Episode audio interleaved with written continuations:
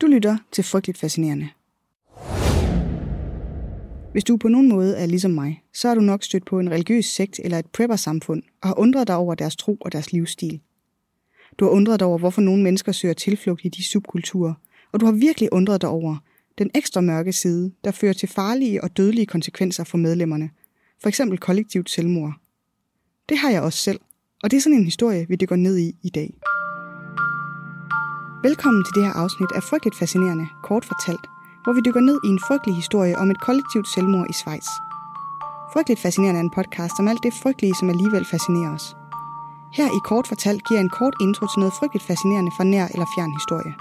Velkommen til.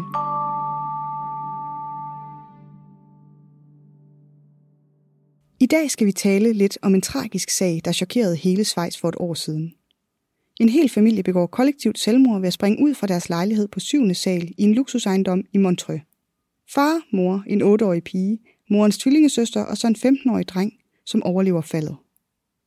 Ifølge en ny rapport fra de svejsiske myndigheder var familien stærkt påvirket af konspirationsteorier og nyreligiøse tanker om en bedre hinsides verden, og deres selvmord var frivilligt og ret nøje planlagt. Familien levede isoleret og havde ikke meget kontakt til omverdenen udover ligesindede i online fora. Familien var overbeviste survivalister og preppere og havde afsondret sig fuldstændig i deres lejlighed, hvor tre af værelserne var fyldt med madvarer og medicin, mens de boede i de to andre værelser. Men hvad er det, der får familien til at tage den drastiske beslutning om at tage deres eget liv? Ifølge rapporten var det coronapandemien og krigen i Ukraine, som var startet en måned før selvmordet. Det havde overbevist familien om, at deres tid var ved at rende ud. Familien ventede derfor på et tegn til, at det var tid til det planlagte selvmord. Og det tegn kom ved et tilfælde, da to politibetjente ringede på deres dør for at minde faren om et møde med skolemyndighederne om den 15-årige drengs hjemmeundervisning. Det lidt tilfældige og relativt uskyldige besøg fra politiet fik familien til at sætte deres selvmordsplan i værk. De brugte en lille stige til at kravle ud over gelænderet på altanen og sprang, en af gangen, de syv etager ned.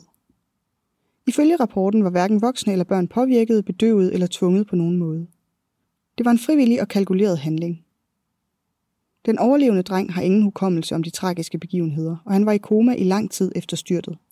I forbindelse med efterforskningen, som nu endelig er afsluttet, beder de svejsiske myndigheder om, at man lader drengen være i fred. Det er åbenbart nødvendigt. Det er altså ikke for sjov, når sådan nogle konspirationsteorier får lov til rigtigt at slå rod. Så kan det virkelig gå galt. For nylig har jeg lavet et andet afsnit om for nylig har jeg lavet et podcast-afsnit om et andet segment af prepperkulturen. Milliardær-preppers. Det kan jeg varmt anbefale, hvis du interesserer dig for den slags. Og faktisk, i forbindelse med det afsnit, så var der en, der kommenterede på Spotify, at jeg burde have kaldt podcasten frygteligt irriterende i stedet for, fordi jeg i afsnittet var alt for fordømmende og negativ og ikke spor nysgerrig på emnet. Og det er måske lidt rigtigt. Ikke det med, at jeg ikke er nysgerrig. Det vil jeg fandme ikke have siddende på mig. Det er jeg virkelig. Men jeg vil godt medgive, at jeg nogle gange kan være lidt fordømmende. Særligt over for meget rige mennesker. Det er mit toxic trait, at jeg anskuer milliardærer som en underkategori til tyv. Og det kan da egentlig godt være, at jeg skal arbejde lidt med det. Men måske fornemmede jeg, at det ikke så meget var milliardærdelen, men mere prepperdelen, jeg ikke var åben nok overfor. Og hvis det er tilfældet, så vil jeg virkelig gerne sige undskyld for det. Det var fandme ikke meningen. På æresord. Jeg er meget interesseret i prepperkulturen. Måske er dig, der skrev selv prepper. Måske lytter du også med i dag. Og så vil jeg virkelig gerne have dig med i podcasten til en snak. Så kan du også få fortalt, hvad det var, der var så irriterende ved mit afsnit. Jeg lover at være rigtig sød og venligt nysgerrig. Skriv til mig på Insta eller på mail eller noget. Og i øvrigt, så har Spotify fået sådan en kommentarfunktion, hvor man som lytter kan kommentere på de enkelte afsnit. Det må du meget gerne gøre, hvis du har noget på hjerte. Ikke alt for meget om, hvor irriterende jeg er. Det kan jeg ikke holde til, men ellers.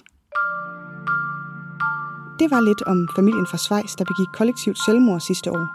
Kort fortalt er frygteligt fascinerende. Researchet skrevet, optaget og redigeret af mig. Jeg hedder Maria. Der er tre ting, du kan gøre, hvis du gerne vil støtte min podcast. Du kan dele den på Insta eller Facebook.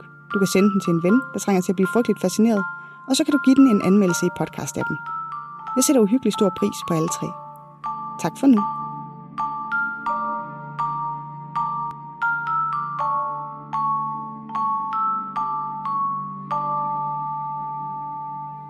I researchen til afsnittet har jeg brugt oplysninger fra TV2 og BBC.